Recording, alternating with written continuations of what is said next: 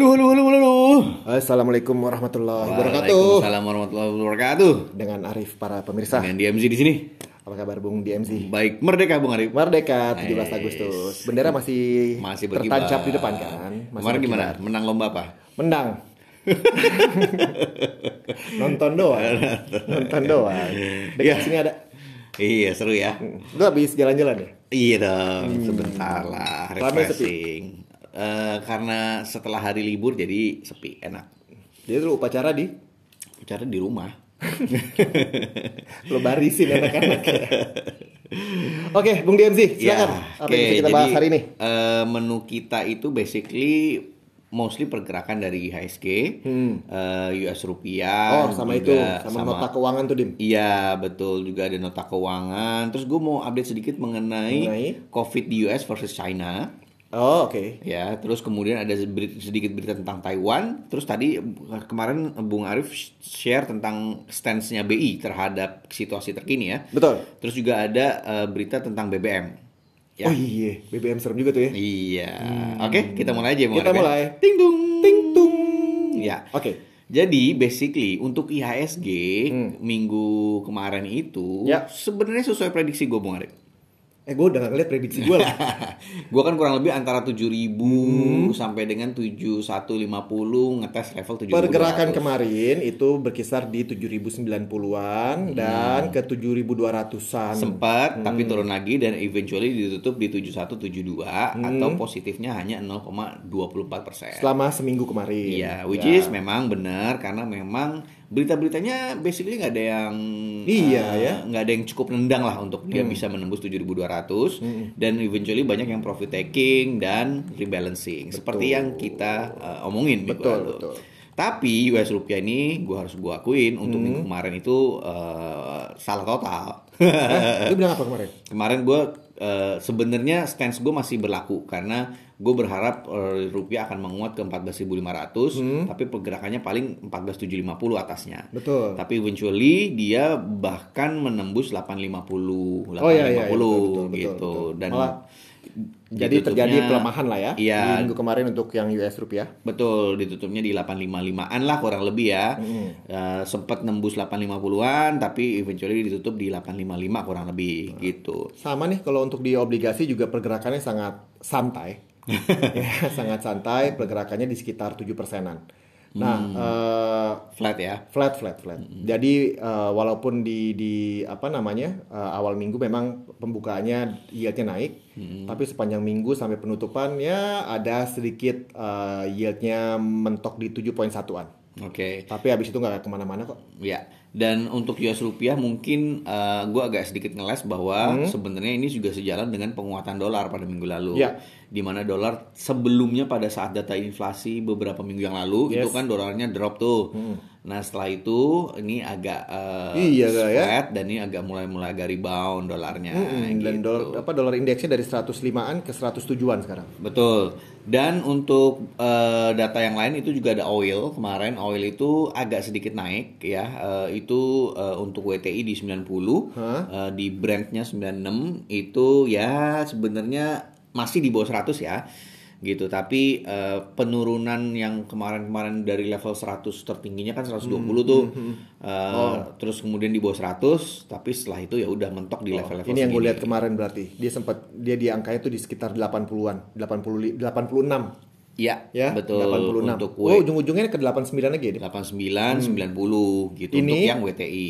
Ini terkait dengan eh, supply supply lagi ya. Eh basically memang Atau ya ketegangan antara mereka lagi.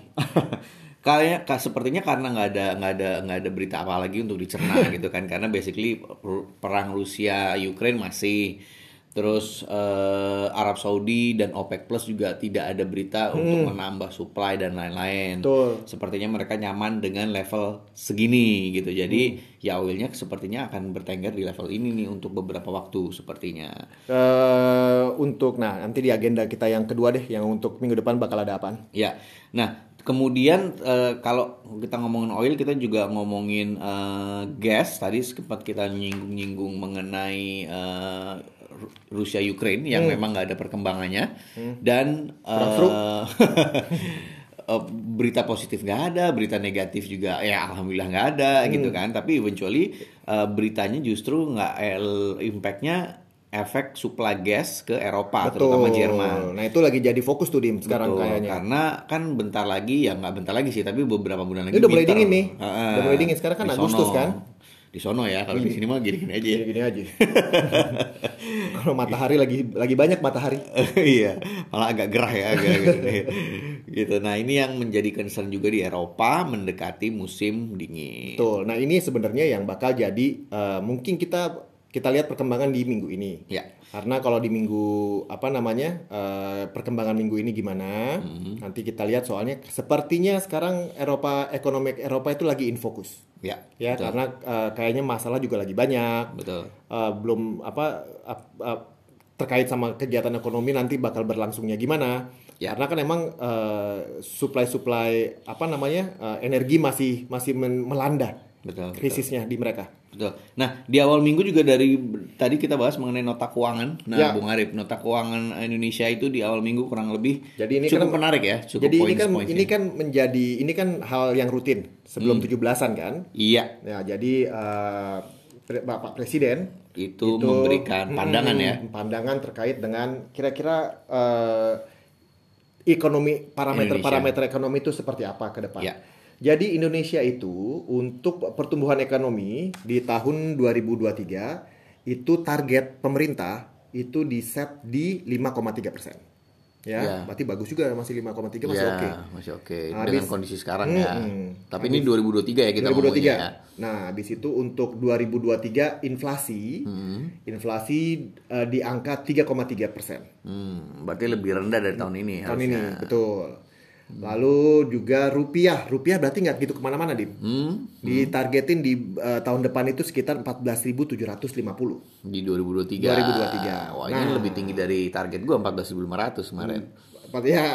nah ini, ini Indonesia jadi untuk para investor retail bonds eh, diperkirakan obligasi di tahun 2023 itu untuk yang 10 tahun yieldnya diperkirakan ada di 7,9 persen. Ya. Jadi eh, ya kalau sekarang 7 persen, berarti harganya bakal turun dong ya. berarti berarti satu persen, satu persen yield loh. Hmm. Satu persen yield itu kalau kita ngomong satu persen yield, berarti pergerakan yang 10 tahun kemungkinan ada di 10 poin loh, Dim. Hmm. Jadi ya apa namanya ini perkiraannya. Ya. Lalu Asumsi-asumsi yang dipakai yang mereka dipakai. ya. Betul dalam menyusun uh, ke Era apa, APBN. uh, betul. Kok lu ini banget langsung ke mana-mana gitu lu punya. Eh, Terus habis itu uh, oil price, oil price itu diperkirakan 95 sampai 105. Wis, Nggak jauh-jauh dari sekarang. Ya, nggak Jadi kira-kira sekarang lah. Nah, berarti harga bensin ya segini-segini aja. Nah, ntar ada update juga nih mengenai harga bensin Indonesia. nggak akan ke mana-mana. Oh ya, gue juga mau denger tuh. Terus habis itu oil lifting nggak itu nggak ada. Itu aja yang penting Iya. penting. Iya, iya, Jadi iya. ini bisa menjadi catatan. Eh, oh, gue ngomong dulu. Benchmark menarik lah Ya, untuk jadi setelah ekonomi. Hmm. betul. Jadi setelah pengumuman ini somehow itu yield kemarin bergerak turun. Oh, bergerak naik. turun. Ah, jadi Padahal harganya targetnya 7,9 ya. Iya, jadi jadi ini nggak terlalu apa namanya eh, eh, lumayan lumayan membuat market berarti market dengerin nih cerita Hmm, ini kemarin. Jadi mungkin asumsi-asumsinya mungkin eh, satu eh, not so surprising Hmm. kalaupun nanti dibilang obligasi tahun depan 7,9 ya masih tahun depan anyway gitu. jadi masih masih apa namanya eh, dianggap positif cerita ini. Iya, jadi mungkin asumsinya ini adalah asumsi yang eh, pesimis realis kayaknya. Dia nggak mau yang optimis Hmm. Betul. menghadapi kondisi global, Ya. Tapi juga nggak yang negatif-negatif banget gitu. Jadi ya, ya ini adalah asumsi yang ya masih diterima lama oleh eh, market lah ya intinya. Hmm, nah, apalagi nanti pergerakan ini kan banyak pergerakan-pergerakan harga. Hmm, hmm. ya kan pergerakan-pergerakan harga kebutuhan. Betul. Nah, ini yang mesti diperhatikan. Ya.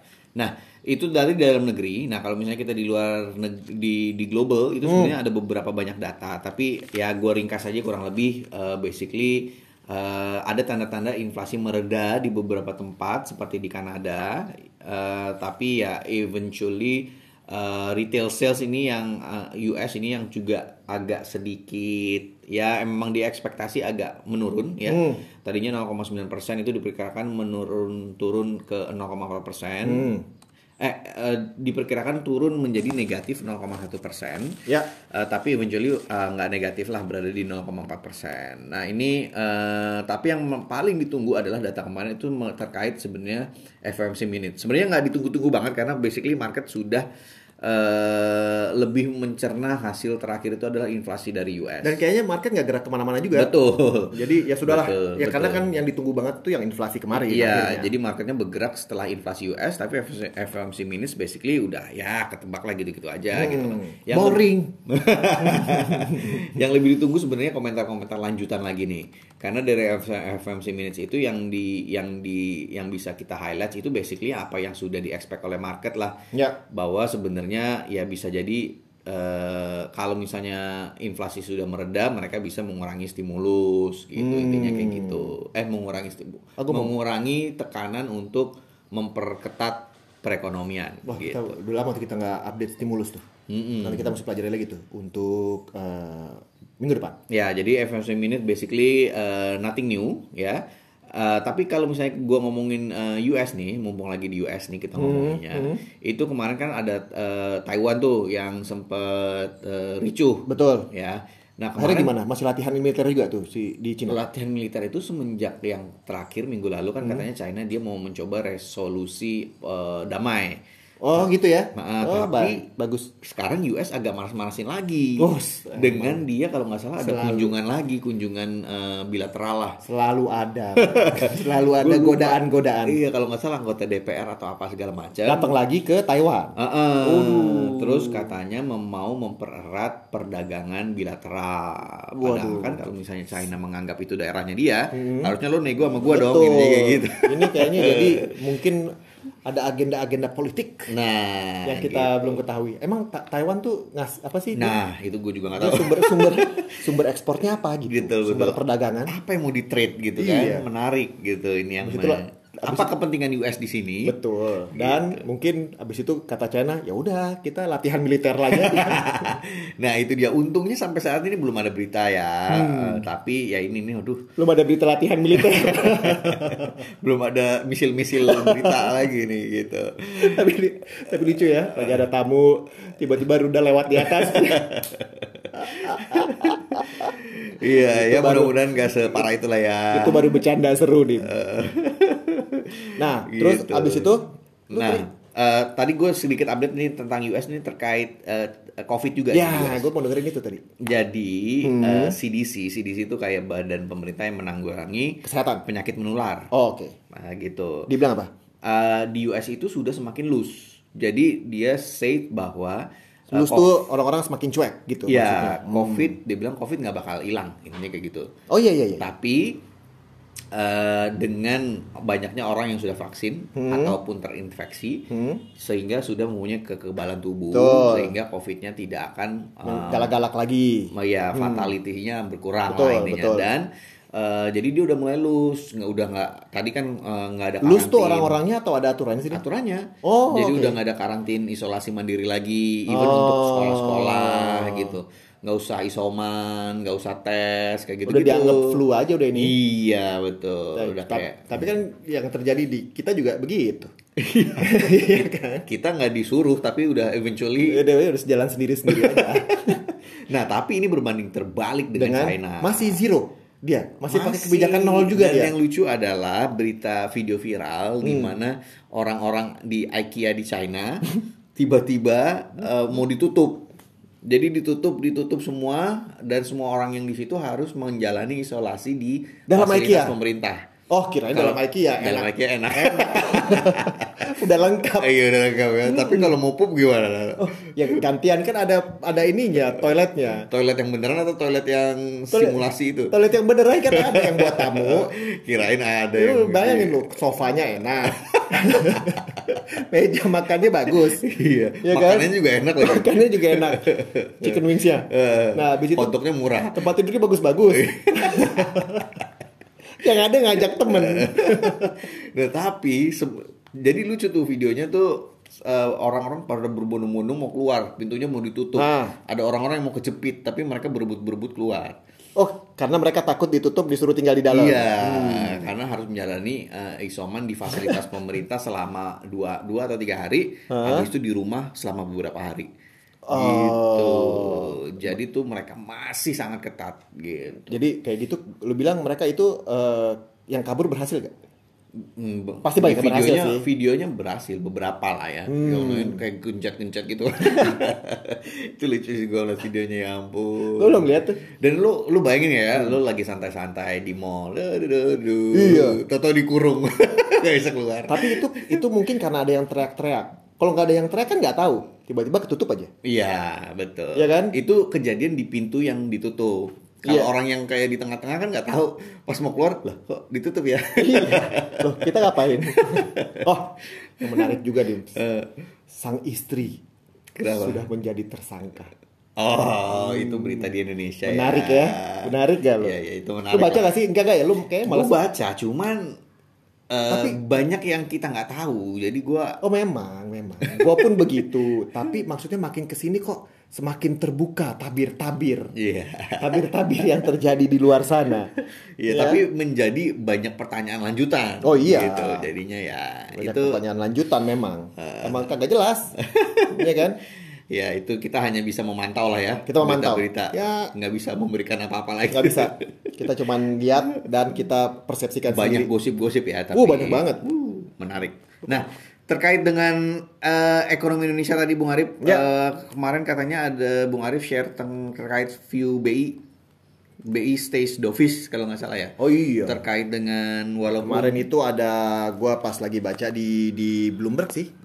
Eh, bottom line-nya sih eh, Bapak Peri, eh, Gubernur BI kita, itu eh, belum melihat kenaikan suku bunga itu eh, Diperlukan. apa diperlukan untuk Dan- saat ini. ini penting karena minggu depan itu ada BI rate decision Mm-mm. gitu Nah, jadi ini untuk- kisi-kisinya ya Oh jelas bener kisi-kisinya. Kisi-kisinya jelas bener. Dan ini adalah juga terkait dengan yang sebelum minggu lalu kan kita bilang bahwa eh, kuota subsidi sudah hampir jebol. Iya, itu Nah, itu banyak banget minggu ini di, betul. di headline. Dan BI even dengan berita tersebut dia mengatakan BI akan stay uh, dovish gitu. Artinya ya itu udah kisi-kisi jelas bahwa terkait dengan situasi BI rate minggu depan. Ya. Nah, eh, terkait dengan BBM juga di akhir minggu itu ada berita nih. eh, Pak Bos. Iya Pak Bos. Pak Bos kita eh, Pak Luhut itu mengatakan bahwa bisa jadi kalau disetujuin sama Presiden Ada yang naik BBM ya? bisa naik minggu depan. Disebutin nggak sih Dim? Apa aja Dim? Belum BBM subsidi. Waduh, BBM subsidi. Pertal Pertalite. sama Pertamax. Pertama saya mau subsidi kagak dong. Dim. Masih. Solar solar biasa. Solar masih. Iya kalau solar berarti naik kan. Ah, ya. Solar Ya. naik, Pertalite naik. Pertama Pertamax juga, harusnya naik lah. Karena ya itu kalau misalnya lihat di bensin bensin Shell, Vivo itu kan harganya yang Hmm. Iya, udah 92 aja 17 ribu udah melejit melejit. Iya 17 ribu apa 18 ribu Deck gitu. Dexlite men 17 ribu. Dexlite Ya itu yang solar, lainnya. yang solar, Oh, yang solar, yang solar itu. Iya iya. iya. Nah itu apa? Nah, itu benchmark kita lah kalau misalnya BBM nggak disubsidi itu kisarannya di situ. Jadi jalan keluarnya adalah Hmm. itu kemarin di Gias kayaknya banyak banget digembar-gemborkan si Listrik. mobil mobil listrik yang Iya. yang yang buatan China itu Betul betul. bentuknya kecil 250-an harganya 250 juta. iya tapi yang kayaknya lu gue belum tahu dalamnya sih tapi tapi semuanya banyak banget yang yang ngepromot Kenapa nggak naik motor aja sih? Nah, Naik motor mot- kecil. naik motor eh, susah oh kan spiritnya dong spiritnya tidak menggunakan fosil Oh lagi, iya iya ya iya. kan Oke oke oke. Menarik menarik. Ya oke berarti kurang lebih itu ya berita minggu lalu Bung Arif. minggu depan kita Minggu depan ya langsung kita bahas ya. Jadi minggu depan itu eh ada yang penting itu adalah BI rate. BI rate Ya terus kemudian ada masih penting berarti Oh iya sih. Iya. Karena udah ketahuan ya sebenarnya Ini lu, hasilnya ya. nih ya lu udah bener ya. Ini itu gue udah bawain buat lu. Iya, ntar kita Oh bahas ntar lu bahas, oke. Jangan sampai Ya. kali dibahas lo lah. Habis itu gue gak mau bawain lagi datanya. Terus abis Eh, itu apa? Terus ada GDP Jerman. Amrix nggak ada kabar nih Amrix. Nah, Amerika itu kurang lebih speech-speech dari eh, petinggi Fed. Kemudian mereka kan ada konsorsium di Jackson Hole tuh biasanya tuh. Nah, itu juga biasanya akan memberikan gambaran juga nih terkait dengan eh, view eh, ekonomi nanti ke depan seperti apa. Ah coba kita lihat lagi Dim. Benernya nggak ada apa-apa Kurang ya. lebih itu doang dan eh, nah, sekarang pergerakan IHSG seperti apa? Nah, ini tadi kita memakai data dari Bung Arif nih. Betul. Di mana Bung Arif Arif ini sudah membawa berita eh, Data. ini data. Data apa nih Bung Arif? Ini sebenarnya dat jadi gini, kalau di uh, uh, IHSG itu itu kan semua saham tuh. Gue lupa member system. Ada beberapa sektor di Betul. GCI, jadi penggolongan. Ah. Jadi kalau saham itu udah berapa ratus sekarang gue lupa. Ah. Uh, digolong-golongkan. Ada energi, ada yang energi, transportasi, industri. Nah, jadi terdapat ada 10 uh, 10 atau 11 grouping. Ah. Ada sektor energi, ada sektor transportasi, ada industrial, finansial dan lain-lain. Hmm. Infrastruktur, Nah, ya, yang ya. gue bawa sekarang ini adalah bagaimana kinerja mereka sepanjang tahun ini. Ya. Silakan Bung Din. Ya, jadi kalau misalnya yang paling mencolok adalah sektor energi ya, itu yang eh, naiknya sudah ke eh, secara secara Mana, sek- gabungan. mana sektor favorit 60%. lu? Mana gimana Lo energi nih? tahun kemarin kan gue bilang ya. Enggak, sektor favorit lu Oh, iya, mana? belum. Bacain dulu, Din. gue mau bacain lu nyela-nyela aja. Enggak tahan gua. Ya, ya, energi eh, itu memang udah expect ya dengan meningkatnya harga komoditas itu em, kenaikannya 60%. 60%. Tapi diikuti oleh transportasi dan logistik. Betul. Itu hampir 30%. Betul.